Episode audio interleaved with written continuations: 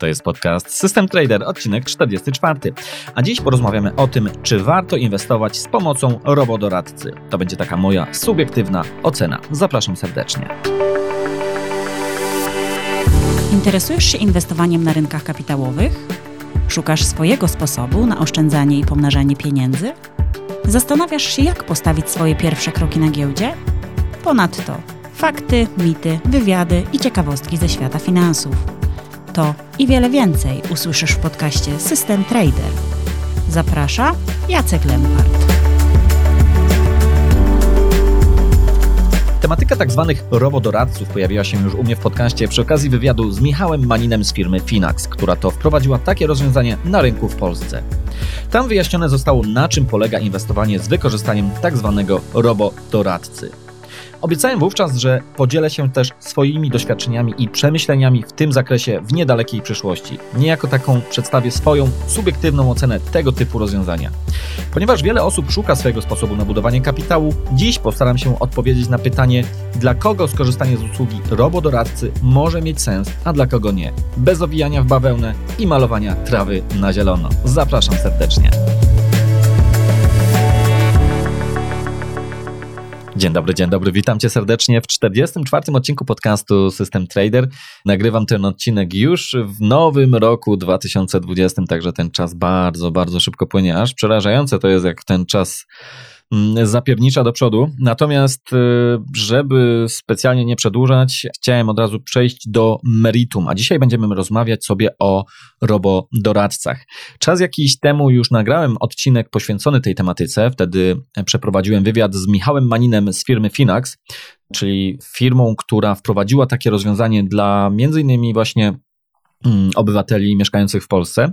Natomiast y, wtedy też obiecałem, że przedstawię za czas jakiś e, swoją własną, taką subiektywną ocenę tego typu narzędzia, tego typu instrumentu, żeby też łatwiej było podjąć decyzję Wam, dla kogo w ogóle takie narzędzie e, może być pomocne, do kogo ono jest skierowane, czy warto się tym zainteresować, e, kiedy warto się tym zainteresować, a kiedy na przykład nie warto właśnie temu tematowi spędzać za wiele czasu.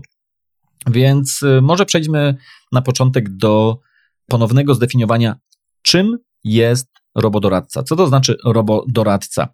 No i tu jest na dzień dobry, że tak powiem, problem, bo robodoradca nie ma e, jednoznacznej definicji. Jest to tak naprawdę przede wszystkim taki, powiedziałbym, marketingowy e, slogan, który jednak coraz powszechniej, coraz częściej występuje e, w świecie finansów, dlatego też warto, żebyśmy wiedzieli, o czym mowa.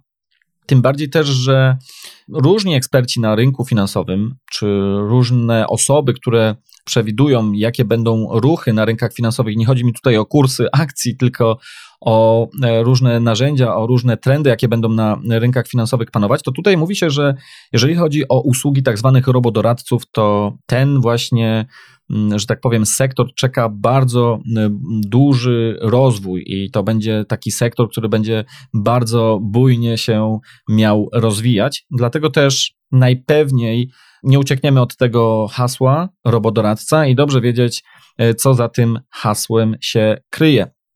Jest to tak naprawdę poniekąd pokłosie tego, co miało miejsce w 2008-2009 roku w Stanach Zjednoczonych. Mam tu na myśli e, ogromny kryzys finansowy, kiedy to tak naprawdę mm, odnotowano całkiem spory spadek zaufania, może tak uogólniam, ale jednak w społeczeństwie, jeżeli chodzi o tak zwanych żywych, w cudzysłowie, bo chyba wszyscy e, powinni być żywi, jak nam doradzają, doradców inwestycyjnych. I ponieważ wtedy wielu tych doradców, można powiedzieć, no, nadszarpnęło zaufanie e, obywateli, ponieważ sprzedawali e, obywatelom różne toksyczne nieraz produkty, no to wtedy, e, żeby nieco mm, móc odbudować swoje biznesy, firmy wymyśliły właśnie pojęcie robodoradcy, czyli takiego doradcy, ale nie w postaci żywej osoby, tylko elektronicznego doradcy, takiego wirtualnego, komputerowego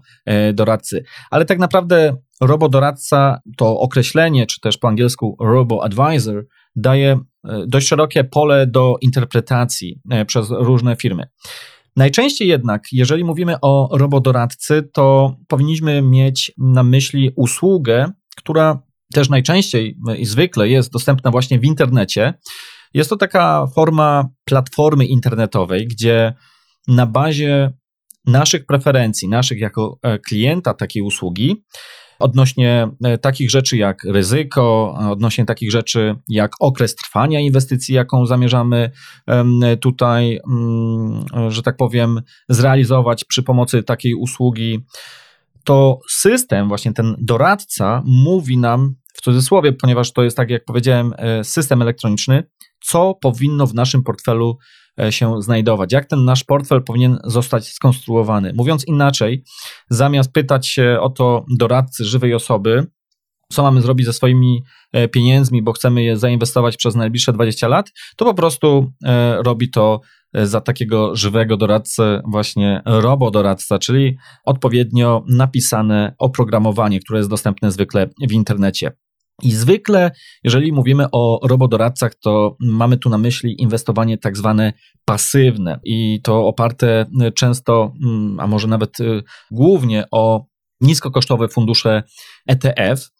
Y, natomiast y, to nie znaczy, że robodoradcy zawsze muszą inwestować tylko i wyłącznie nasze pieniądze w sposób pasywny, czyli taki, który nie stara się pobijać tego rynku, tylko naśladować ten rynek, płynąć z tym rynkiem. Natomiast mogą również e, klienci kupować usługi e, robodoradców, które realizują e, bardziej mm, przemyślane strategie inwestycyjne, aktywne strategie inwestycyjne, które mają już w planach przynajmniej pobijanie tych rynków.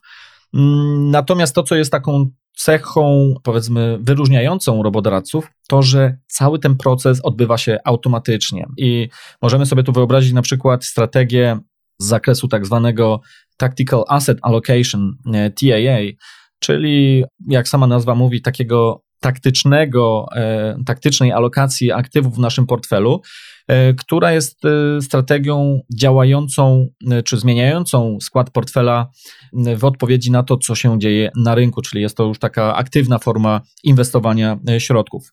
Natomiast najczęściej, przynajmniej w chwili obecnej, taki robodoradca po prostu tak naprawdę stwierdza na bazie naszych odpowiedzi, co w naszym portfelu powinno się znajdować. I może na przykład powiedzieć, że przy naszym profilu ryzyka i przy naszym e, na przykład okresie, jaki chcemy, przez jaki chcemy inwestować nasze pieniądze, powinniśmy w naszym portfelu e, posiadać 70% e, akcji, a 30% powinno być na przykład w obligacjach. I gdy już potwierdzimy wybór e, odnośnie takiego portfela, mm, no to wtedy przelewamy nasze pieniądze do takiego mm, robodoradcy i reszta już się dzieje z automatu. Właśnie na tym to też polega. Czyli mówiąc krótko, najpierw system nas e, przepytuje, ten robodoradca nas przepytuje, w cudzysłowie oczywiście, ponieważ tak naprawdę jest to wyświetlane w postaci pytań na ekranie komputera i na bazie tych odpowiedzi, e, tego przepytania, tego kwestionariusza ze strony robodoradcy, robodoradca alokuje odpowiednio nasze środki na rynkach kapitałowych. I to właściwie tyle. Na tym to polega, że my później nie musimy sami e, niczego kupować, sprzedawać, robi to właśnie za nas ten robodoradca. Chciałbym jeszcze zwrócić uwagę na to słowo robot czy robo, które znajduje się właśnie e, w tym całym robodoradcy, ponieważ ono może u niektórych osób, zwłaszcza tych osób, które są powiedzmy mm, nietechniczne albo też nie mają większego pojęcia o rynkach finansowych, wzbudzać pewne jednak y, negatywne skojarzenia, no bo y, zwykle my jako ludzie bardziej jednak ufamy innym ludziom niż y, jakimś bezdusznym maszynom. I e, tutaj widać, że ci te firmy, które dają, udostępniają takie usługi w postaci robodoradców, jednak tutaj pozycjonują się jako coś, co jest takie super nowe, lepsze i e, za tym wszystkim stoi tak naprawdę jakaś wykwintna, sztuczna pewnie e, inteligencja. Tak naprawdę robodoradca zazwyczaj to jest bardzo proste rozwiązanie. Proste rozwiązanie, gdzie tak naprawdę najważniejszą rzeczą, jaka się dzieje na początku, to jest właśnie przeprowadzenie tego kwestionariusza z potencjalnym klientem, aby dobrać odpowiedni profil inwestycyjny dla takiego klienta, a później dzieje się to niejako automatycznie, a przynajmniej z punktu widzenia użytkownika, klienta, ponieważ to, czy te ETF-y na przykład kupione są przez ten wyimaginowany robot, czy jakiś komputer, czy po prostu jakiś tam człowiek fizycznie składa zlecenia kupna, sprzedaży tych ETF-ów, to jest z naszej perspektywy dość mało znaczące. Oczywiście my powinniśmy mieć świadomość tego, na czym polega nasza obrana strategia inwestycyjna. Natomiast mniej jest dla nas istotne, w jaki sposób ona jest realizowana od strony czysto technicznej. I tak naprawdę może się okazać, że z tyłu tak naprawdę właśnie mm, nie ma żadnego robota, żadnego mm, wyimaginowanego, nie wiem, algorytmu, tylko po prostu na bazie mm, odpowiedzi, jakie udzieliliśmy w systemie, kupowane są w odpowiednich wagach y, elementy do naszego y, portfela. Mówię o tym, ponieważ nie chciałbym, aby u tych może bardziej zaawansowanych użytkowników Y, powstało takie wrażenie, że mówiąc o robodoradcach, mam na myśli innymi automatyczne strategie handlowe, tradingowe, inwestycyjne, które na przykład sobie sami gdzieś implementujemy, a później je uruchamiamy na komputerze i y, komputer w naszym imieniu kupuje, sprzedaje i realizuje taką strategię na rynku. Y, to absolutnie nie ma nic z tym wspólnego. Owszem, w przypadku robodoradcy również może się to w podobny sposób odbywać, ale tutaj nie o to chodzi, ponieważ e, jeżeli chodzi o taką strategię czysto automatyczną, jaką my sami realizujemy, to my robimy wszystko od początku do końca i to my jesteśmy odpowiedzialni za wszystko. Natomiast tu mówimy o osobie, która jest e, już taka powiedzmy zaawansowana i wie o co e, w tym chodzi. Natomiast robodoradca skierowany jest do osoby zupełnie początkującej, która nie ma pojęcia, być może nawet zupełnie nic nie wie o rynkach finansowych. Jeżeli chodzi o powiedzmy wstęp do robodoradców, to myślę, że tyle informacji już nam powinno wystarczyć. Powinien każdy już mniej więcej wiedzieć, o co chodzi z tymi robodoradcami. Natomiast e, jeżeli ktoś byłby zainteresowany to gdzie w ogóle może coś więcej na ten temat się dowiedzieć? No, przede wszystkim w internecie, no bo w końcu są to robodoradcy, którzy działają w postaci takich serwisów internetowych. Jeżeli chodzi o Polskę, tutaj ten e, sektor usług jest jeszcze powiedzmy mocno raczkujący, gdyby go porównać na przykład do Stanów Zjednoczonych, gdzie są one e, bardzo mocno już rozpowszechnione. Polecam na przykład y, mój wywiad z Michałem Maninem z firmy Finax, bo jest to po prostu taki żywy przykład e, takiego rozwiązania, który jest e, dostępny po polsku dla polskiego e, klienta. A jeśli ktoś chce wyjść poza Polskę i spróbować, jak to jest zrealizowane na przykład w Stanach Zjednoczonych, to wtedy można próbować uderzać w takie firmy jak Fidelity, E, BlackRock, e, Charles Schwab, e, Vanguard, czy ostatnio czytałem gdzieś wiadomość, że bodaj chyba od tego roku 2020 albo od zeszłego, nie pamiętam, ale można to sprawdzić. Goldman Sachs, a więc bardzo no, znany mm, fundusz inwestycyjny, również zamierza wprowadzić taką usługę dla swoich klientów. A dlaczego w ogóle stworzono taką usługę jak robodoradca? Poniekąd już e, powiedziałem o tym na samym wstępie, że w 2008-2009 roku, kiedy był wielki kryzys, to wtedy e, ten kryzys finansowy nadszarpnął mocno również zaufanie do doradców inwestycyjnych, ponieważ klienci kupowali na bazie ich rekomendacji różne, powiedzmy wprost, e, zatrute aktywa, które później generowały straty, a nie zyski. I poniekąd y, to od strony marketingowej, chcąc te firmy y, zamazać ten zły obraz, właśnie y, zaproponowano między innymi właśnie rozwiązanie w postaci robodoradcy. Ale tak naprawdę temat jest jeszcze szerszy, jeżeli chodzi o powody, dla których powstała taka usługa jak robodoradca. I jednym z takich, no powiedzmy, znaczących powodów jest to, że fundusze inwestycyjne, te fundusze aktywnie zarządzane przez te, powiedzmy w cudzysłowie, żywe osoby, one po prostu e, dostarczają słabych, słabe wyniki. I to nie dlatego też, żeby pracowali tam, mówiąc zupełnie wprost, idioci, bo pracuje tam bardzo dużo inteligentnych i dobrze znających e, rynki ludzi. Natomiast przede wszystkim problem tej branży polega na tym, i to nie tylko w Polsce, chociaż w Polsce jest on naprawdę jeszcze większy niż e, powiedzmy w cywilizowanym bardziej od nas jeszcze świecie, nie mając nic do Polski, która naprawdę uważam jest za bardzo cywilizowanym krajem, mimo wszystko, mimo tego naszego utyskiwania, ale jednak jeżeli chodzi o na przykład rynek amerykański, to tam na pewno jeżeli chodzi o kulturę tych rynków finansowych, kapitałowych, no tam są większe te tradycje. To nie znaczy, że wszystko tam jest lepsze, co mamy u siebie, natomiast na pewno jeżeli chodzi o inwestowanie, no to tam jest jak gdyby większa tradycja, świadomość w społeczeństwie, chociaż też nie jest takie wszystko idealne, jak to nam się czasami też wydaje z perspektywy Polski. No ale do czego zmierzam? Chodzi o to, że te fundusze kasują dużą, e, dużą kasę właśnie za swoje usługi. I przykładowo e, w Polsce docelowo ma być to, nie wiem, czy nie od tego nawet roku, chyba maksymalna opłata gdzieś w okolicach 2%, ale są fundusze, które kasują e, ponad 3% od zarządzanego kapitału. Czyli jeżeli 100 tysięcy powierzamy takiemu funduszowi, żeby nam zarządzał, to po roku, e, gdyby się tam nic nie zmieniało powiedzmy w wartości tego portfela, to my i tak e, te 3% stracimy, 3000 zł, bo e, tyle kosztuje zarządzanie takim portfelem rokrocznie, co w perspektywie lat ma bardzo, bardzo duży wpływ negatywny niestety na wynik końcowy naszej inwestycji. I dlatego też takim funduszom bardzo ciężko przychodzi nie tyle pobijanie rynku, czyli generowanie lepszych stóp zwrotu niż to, co daje szeroki rynek, czyli gdybyśmy sobie kupili cały rynek bez wybierania poszczególnych na przykład spółek do e, portfela, tylko kupili wszystko jak leci, cały koszyk e, akcji na przykład e, z WIG-20, to się okazuje, że wiele funduszy ma problem z tym, żeby nawet taki wynik dowieść do końca. Mówiąc krótko, poprzez to, że te fundusze bardzo są drogie, pobierają pieniądze za zarządzanie naszymi pieniędzmi, to powoduje, że te firmy, te fundusze dostarczają wyniki poniżej średniej rynkowej.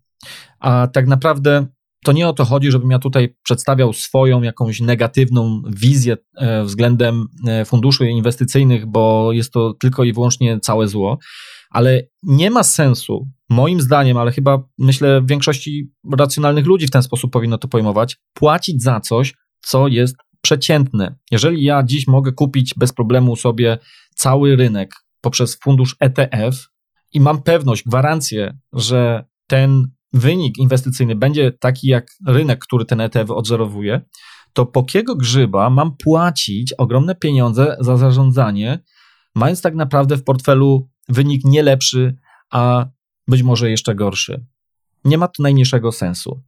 Więc jeżeli mamy płacić komuś za zarządzanie własnymi pieniędzmi, to owszem, za dobrą pracę należy się dobra płaca, ale to muszą być naprawdę porządne wyniki. Może podam taki ekstremalny przypadek faceta, który jest e, ikoną, jeżeli chodzi o rynek inwestycyjny na świecie. Jim Simons, ostatnio o nim głośno było, ponieważ powstała książka na jego temat, biograficzna i on kasuje 5% od kapitału rokrocznie. Czyli jeżeli ktoś by przyniósł do niego, nie wiem, 100 milionów y, dolarów w zarządzanie, to on 5 milionów na dzień dobry bierze jako tytułem właśnie zarządzania y, tym kapitałem, a dodatkowo pobiera 44% od wypracowanego zysku.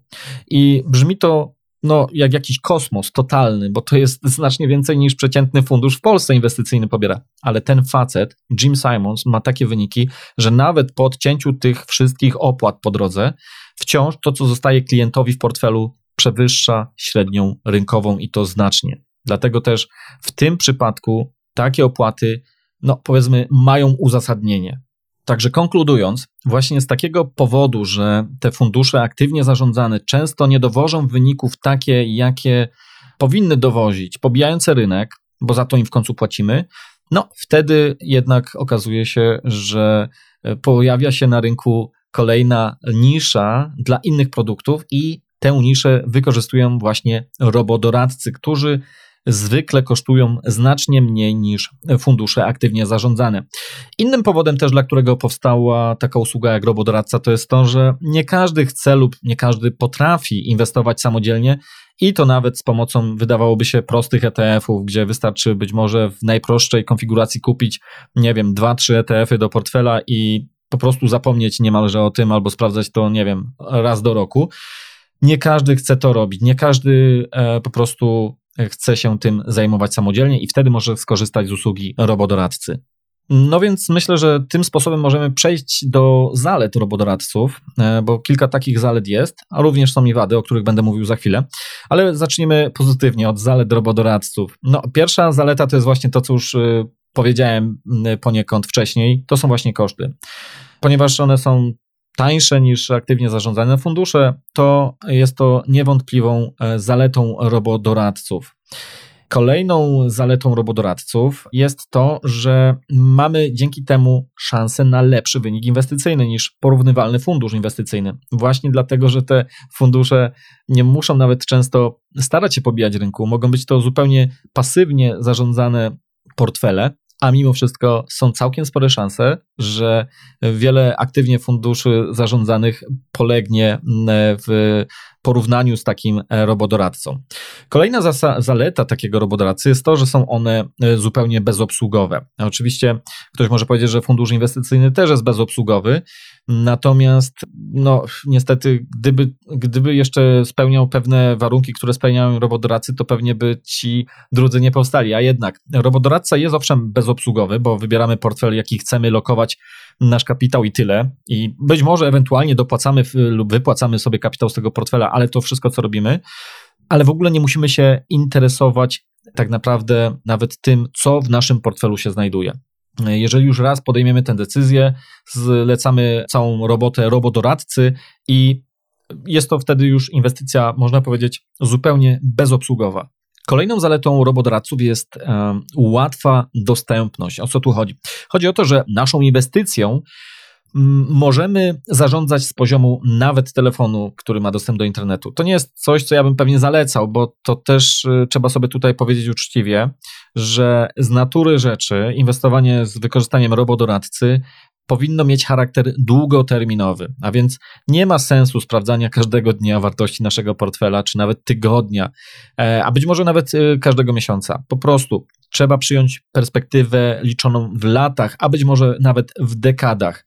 Mimo wszystko, jeżeli ktoś lubi być, e, powiedzmy, bardzo na bieżąco i sprawia mu to po prostu zwyczaj, zwyczajnie przyjemność, no to może sobie sprawdzić w każdym momencie wycenę takiego portfela, e, jakim zarządza robodoradca z poziomu urządzenia, które ma dostęp do internetu. No i myślę, że taką na pewno dużą też zaletą robodoradców jest to, że nie wymagają one od nas wiedzy o inwestowaniu. Przy czym nawet jeżeli my nie musimy się znać na tej powiedzmy kuchni inwestycyjnej, jeżeli chcemy inwestować swoje pieniądze, no bo nie każdy się musi na tym znać. No powiedzmy sobie uczciwie, że powiedzmy, no ja jestem może freakiem, który lubi spędzać e, czas nad tym, natomiast nie każdy musi to robić. Natomiast powinniśmy rozumieć w każdym przypadku jak najlepiej poziom ryzyka, jaki ponosimy w naszej obranej inwestycji. Przykładowo, wybierając portfel, w którym przeważają akcje, to musimy być gotowi, musimy w pełni zaakceptować, że obsunięcie kapitału w takim portfelu może być naprawdę liczone w dziesiątkach procent. Może to nawet przekroczyć 50%. I jeżeli ktoś wybrał sobie taki portfel, w którym przeważają akcje, to wtedy, no, jeżeli wybrał to, ponieważ widział, że w ostatnich 5-10 latach rynki wzrastały i to była super strategia, a nagle przyjdą spadki, i on będzie się chciał wycofać, no to może zrobić to w najgorszym możliwym momencie. Dlatego też no, trzeba mieć świadomość ryzyka, jakie ponosimy. Nie możemy tylko się kierować potencjalnym zyskiem, jaki e, możemy wypracować e, w naszej inwestycji, ale powinniśmy w tym równaniu naszym ująć ryzyko, a powiedziałbym nawet jeszcze e, inaczej. Ryzyko powinno być numerem jeden w podejmowaniu decyzji o naszej, o naszej inwestycji, a dopiero jak wiemy coś więcej na ten temat, to wówczas myśleć powinniśmy dopiero o jakichś zyskach.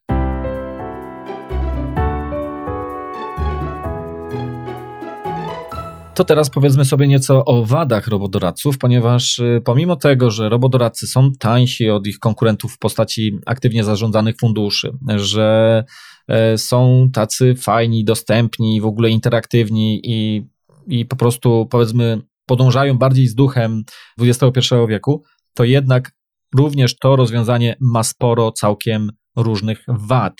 I pierwszą wadą jest paradoksalnie to, co wcześniej nazwałem zaletą, a mianowicie koszt.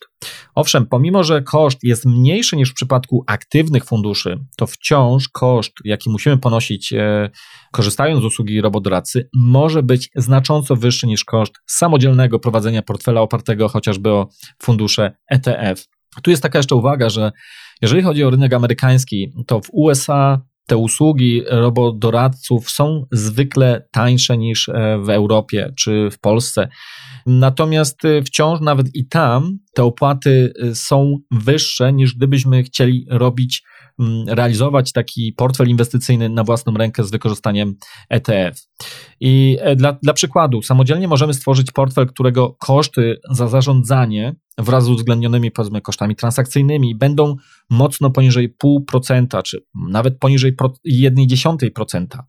Natomiast ponieważ sobie sami kupimy te ETF-y i będziemy nimi zarządzać. Natomiast e, w przypadku robodoradcy w Polsce no, te opłaty zwykle są niestety powyżej 0,5%. E, nie będę chciał już tutaj wymieniać konkretnych firm, bo to nie o to chodzi, natomiast generalnie te opłaty mogą być mm, e, wyższe i te różnice mogą się wydawać takie powiedzmy mało znaczące, ale jednak znów, jeżeli ktoś przyjmie perspektywę inwestycyjną liczoną w dekadach, to nawet tutaj różnice w, w nie wiem, w dwóch, trzech dziesiątych procentach w skali tych dekad również mogą mieć znaczenie. Jeżeli realizujemy też e, inwestycję, która jest pasywna, więc w jednym i drugim przypadku inwestujemy w to samo, tylko że w jednym przypadku ponosimy większe koszty, to jednak te koszty w perspektywie dekad mogą się kumulować naprawdę całkiem spore kwoty. Kolejną wadą robodoradców jest e, tak sobie tutaj nazwałem roboczo na e, swoich zapiskach, niska elastyczność w zakresie budowy portfela.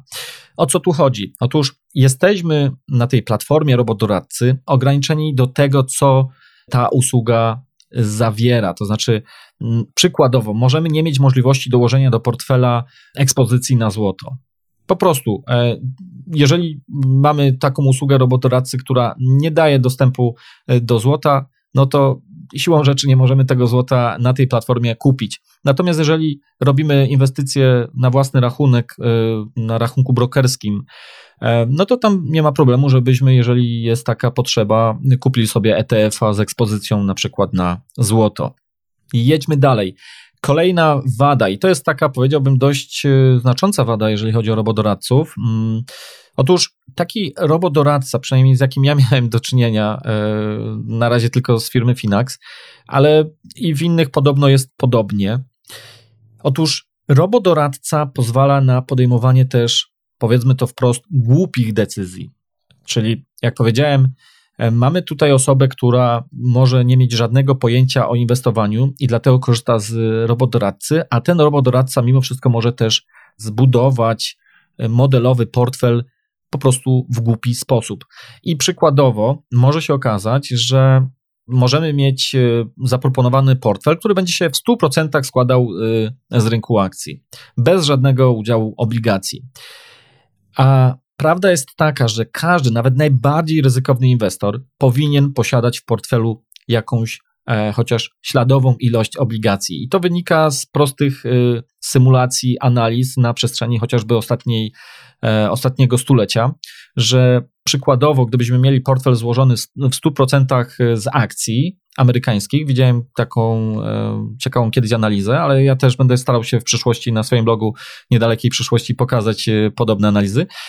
To jeżeli ktoś zaalokował 100% portfela w akcje, wcale jego wynik nie był lepszy niż ktoś, kto za, na przykład zapakował się w 90% w akcje, a 10% dał w obligacje, dlatego że po pierwsze spadła nieco fluktuacja w takim, e, w takim portfelu, bo jednak są dwie klasy różnych aktywów, nie zawsze ze sobą skorelowane, a po drugie, to nie chodzi tylko i wyłącznie o to ryzyko, ale też chodzi o to, że paradoksalnie jeszcze ten zysk mógł się poprawić, ponieważ e, tak jak akcje mają dobre i złe okresy, tak samo z obligacjami mają dobre i złe okresy.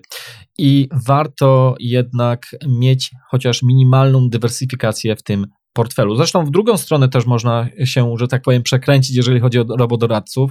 Jeżeli robodoradca stwierdzi, że ma przed sobą delikwenta, który jest bardzo konserwatywny i chce mieć tylko i wyłącznie bezpieczne instrumenty w portfelu, to może otrzymać propozycję, żeby w 100% kupił tylko obligacje. I to na pewno też nie jest dobra, e, dobra opcja, bo nawet jeżeli ktoś jest bardzo konserwatywny, to nawet taki ktoś powinien mieć śladową ilość akcji w swoim portfelu. I to nie o to chodzi, że to jest moja opinia, ale poprawiają się różne współczynniki właśnie ryzyka, jak standardowe odchylenia, jakieś tam wskaźniki Sharpie ratio, czy wręcz nawet y, zyskowność takiego portfela.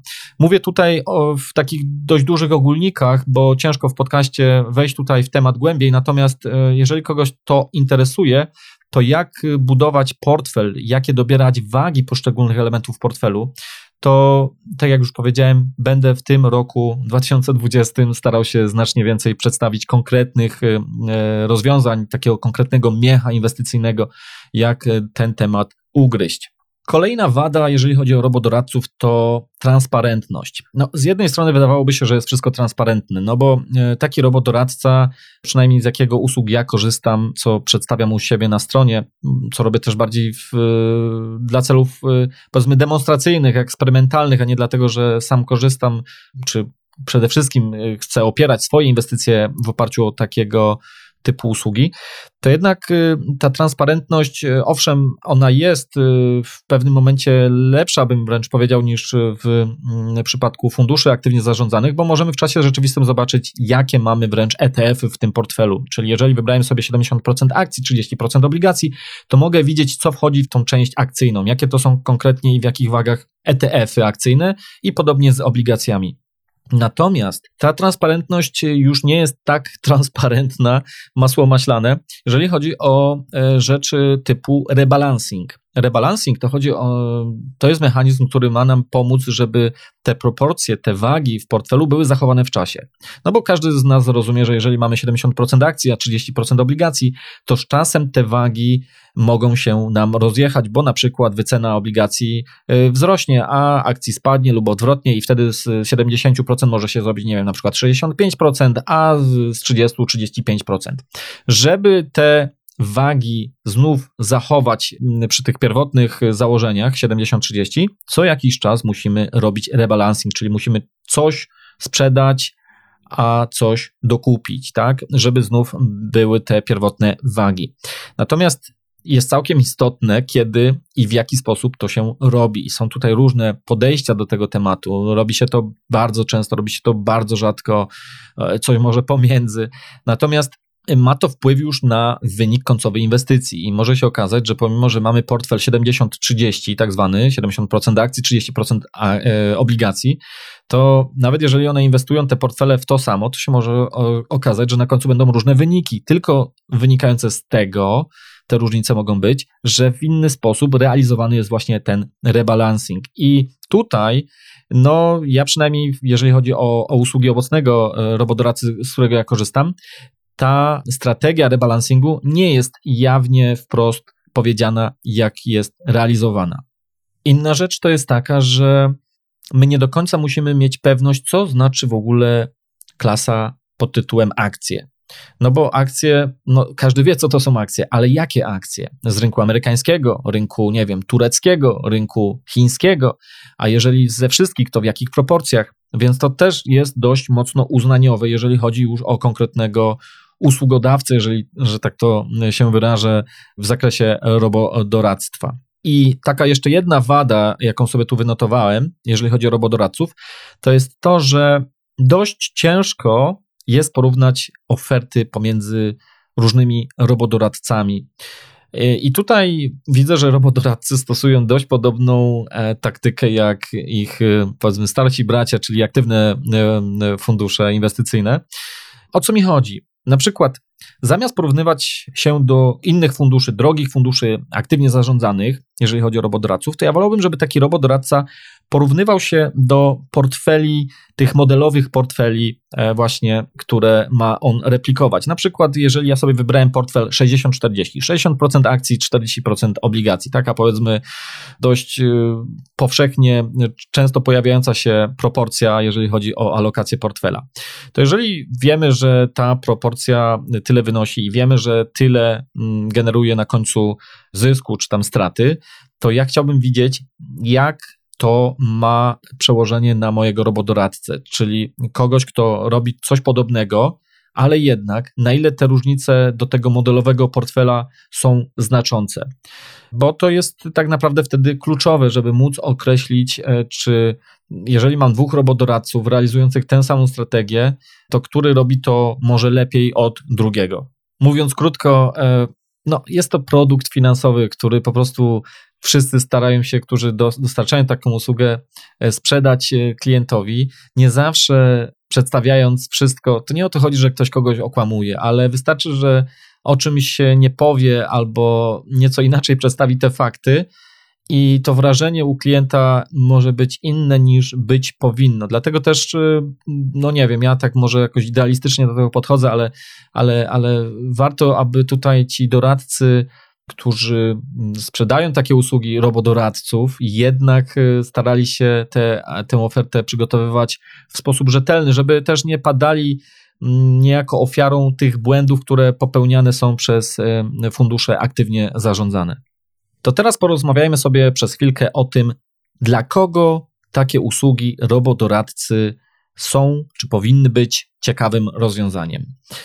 Za chwilę też zresztą powiemy sobie, dla kogo nie powinny być, ale powiedzmy, załóżmy, że y, wytrwałeś ze mną w tym podcaście przez tyle czasu i, e, jeszcze nie zasnąłeś, więc y, teraz chciałbyś się być może dowiedzieć, a być może już czujesz podskórnie, czy E, jesteś dobrym, że tak powiem, targetem dla tego typu usługi. Więc kto powinien pomyśleć o skorzystaniu z robodoradcy? Przede wszystkim ktoś, kto nie ma ambicji samodzielnego pobijania rynku, a więc większość ludzi faktycznie tego nawet nie powinna y, próbować, bo jest to cholernie ciężkie zajęcie. I to wbrew temu, co wielu y, szarlatanów będzie wam mówiło, przedstawiając wyniki niesamowite y, z krótkiego okresu, to tak naprawdę w długim okresie, ale nie liczonym w roku czy w miesiącach, ale w latach, w dekadach, pobijanie w takim okresie regularnie rynków jest cholernie ciężkie. To, że ktoś wypracował jednorazowo super, czy nawet dwukrotnie, czy trzykrotnie super wynik, to jeszcze nic nie znaczy. Tak naprawdę wygrywa się w tym biznesie w długim terminie. To znaczy, wynik długoterminowy decyduje, gdzie my jesteśmy. No zwróćmy uwagę, że Warren Buffett wcale nie wykręca wyników 200-300% rocznie, a jest najbogatszym człowiekiem na świecie. A więc dlatego, jeżeli ktoś nie ma ambicji walczenia z tym e, rynkiem samodzielnie, to wtedy na pewno warto e, pomyśleć o robodoradcy, no bo spójrzmy na to w ten sposób, jeżeli mamy 10 inwestorów na rynku, to jeżeli my chcemy pobić ten rynek, to musimy z czystej statystyki to wychodzi pobić mniej więcej dziewięciu e, kandydatów, tak? Czyli to my musimy de facto, jeżeli w tej dziesiątce jesteśmy, pobić tych wszystkich innych, żebyśmy zarobili. Jeżeli my nie pobijemy, to ktoś nas pobije, to my będzie to oznaczało, jesteśmy poniżej rynku, czyli de facto my z tym rynkiem przegrywamy. Dlatego też, jeżeli nie jesteśmy taką osobą, która chce samodzielnie inwestować i godzimy się na pasywne inwestowanie, chociaż nie musi być koniecznie pasywny, jeżeli chodzi o robodoradcy. I przyjmujemy te konsekwencje z całym dobrodziejstwem inwentarza, że ktoś, nie wiem, na przykład nie kupi sobie Apple'a czy CD Projektu i zarobi tam ileś set procent i będzie mógł się ty, tym chełpić, bo w przypadku pasywnego inwestowania nam się to nie przytrafi. To jeżeli potrafimy sobie uczciwie powiedzieć, że tak, ok, ja nie będę z tym rynkiem walczył, mogę inwestować pasywnie, co więcej, z wykorzystaniem właśnie takiego robodoradcy i mu za to zapłacić, to jest to ok. Jesteśmy dobrym kandydatem, że tak powiem, na takiego klienta. Ostatnio przy okazji wywiadu z Michałem Maninem napisałem, że moim zdaniem robodoradca to oferta dla kogoś, kto nie dysponuje kapitałem na tyle dużym, by zminimalizować wpływy opłat w postaci prowizji brokerskich. I może to być też interesująca opcja dla kogoś, kto zupełnie nie zna się na rynkach finansowych i nie ma zamiaru samodzielnie na nim inwestować. To był cytat z siebie, z wpisu, e, gdzie zamieściłem wywiad z Michałem Maninem.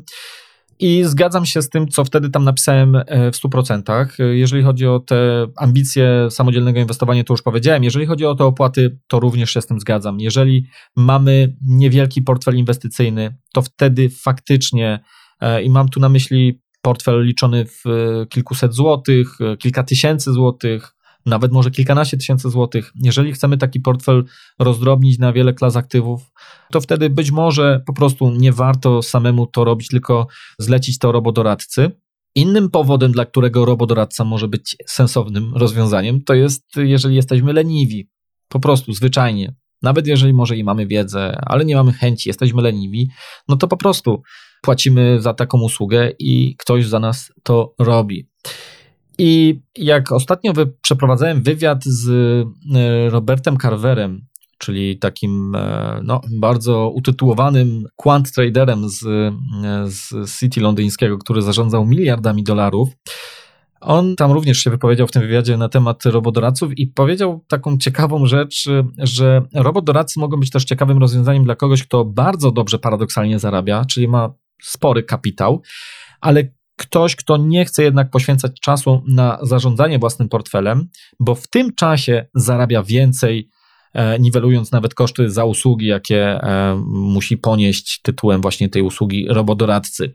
Także jeżeli pasujemy do którejś z tych grup, to wtedy faktycznie e, można korzystać z usługi robodoradcy. Natomiast już tak zbliżając się do końca tego podcastu, chciałem jeszcze powiedzieć o tym, dla kogo robodoradca nie jest dobrym rozwiązaniem.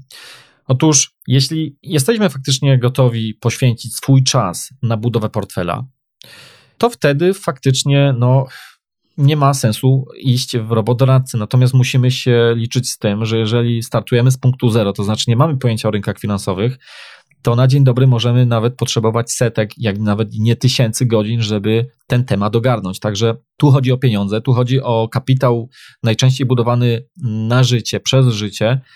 I nie warto robić tego po łebkach, tylko dlatego, że przeczytaliśmy jeden czy dwa artykuły, czy jedną czy dwie książki, tylko warto naprawdę wyrobić sobie opinię i zbudować swoją strategię, swój plan, a to po prostu wymaga czasu. Nawet jeżeli te strategie są proste i one powinny być proste, to jednak, żeby dojść do prostych rozwiązań, to trzeba wcześniej sporo e, ten temat e, ogarnąć, żeby móc takie proste rozwiązania paradoksalnie zrozumieć i co jeszcze też istotniejsze, docenić. Jeżeli natomiast y, mamy już taką wiedzę o rynkach finansowych, mamy wiedzę o inwestowaniu, lubimy to robić, no to też wtedy nie ma sensu, żebyśmy po prostu szli w rozwiązania typu robodoradca, bo możemy zająć się tym sami i e, zyskujemy to, że mm, oszczędzamy pieniądze na tym, co musielibyśmy zapłacić za usługę. Natomiast tutaj jeszcze taka uwaga, jeżeli już, idziemy w to inwestowanie samodzielne, to tutaj no, nic dziwnego, w końcu mój e, podcast nazywa się System Trader, to zdecydowanie polecam podejście takie tak zwane po polsku systematyczne, systemowe, zaplanowane, e, czyli takie rule-based, e, oparte na regułach, prostych regułach. To, że reguły mamy proste, to nie znaczy, że one są prostackie i zrobione są gdzieś tam e, po łebkach. One wymagają właśnie dużej pracy i wysiłku i analizy, ale jak już mamy te, te reguły, to wtedy decyzje inwestycyjne realizujemy w oparciu o takie reguły. Dlatego, że inwestowanie zawsze jest działaniem w otoczeniu niepewności, w środowisku niepewnego wyniku na końcu a to wiąże się z oczywistymi emocjami, stresem i podejmowanie decyzji w oparciu mm, o emocje, czy e, w sytuacji, gdzie jesteśmy poddawani takim emocjom, jesteśmy pod wpływem takich emocji, e, stresu, to decyzje nie są e, często szczęśliwe. I wielu tutaj mm, badaczy, na przykład mój ulubiony Daniel Kahneman, twierdzi, że w takich sytuacjach podbramkowych, stresogennych, to zdecydowanie lepsze decyzje, lepszy proces decyzyjny. Jest to taki proces, który jest oparty właśnie o taki system prostych reguł, prostych algorytmów, niż to, że my w takiej sytuacji używamy całego swojego innowacyjnego oprzyrządowania, jakim jest nasz mózg, i wtedy w, w tym miksie hormonów, stresu, emocji podejmujemy jakąś decyzję, bo zwykle to nie są najszczęśliwsze decyzje. Także jeżeli już to będziemy robić samodzielnie, to róbmy to z głową i zresztą ja też będę starał się Wam w tym pomagać, prezentując konkretne rozwiązania, czy inspirując Was do różnych przemyśleń w tym temacie. Ok, to tyle ode mnie na dziś. E, zapraszam serdecznie na stronę systemtrader.pl ukośnik 044. Tam znajduje się przykładowa inwestycja z wykorzystaniem właśnie takiego robodoradcy, jaką ja sam przeprowadzam. Dodatkowo, jak zwykle, będę bardzo wdzięczny za komentarz i dzielenie się tym e, materiałem z innymi oraz ocenę na platformie podcastowej Apple. Bo zwyczajnie to jest dla mnie bardzo pomocne w tym, aby móc docierać do coraz to szerszej grupy odbiorców i żeby po prostu tworzenie tego materiału miało sens, żebym tego nie nagrywał do ściany przysłowiowej. Także bardzo serdecznie dziękuję za wszystkie komentarze, za wszystkie oceny bo to pomaga mi nie tylko mieć większą motywację, ale też y, w tym, co robię, ale też w tym, aby docierać właśnie do większej grupy odbiorców i e, staram się też, żeby te treści były jak najwyższych lotów, jak największą wartość merytoryczną przedstawiały, aby były wiarygodne, aby nie były tylko takie, nie wiem, oparte na tym, aby starać się komuś coś wcisnąć, tylko żeby naprawdę przedstawiały jak najbardziej rzetelny pogląd na daną tematykę. A przy okazji życzę wszystkiego dobrego na nowy 2020 rok. Do usłyszenia. Pozdrawiam. Bye bye.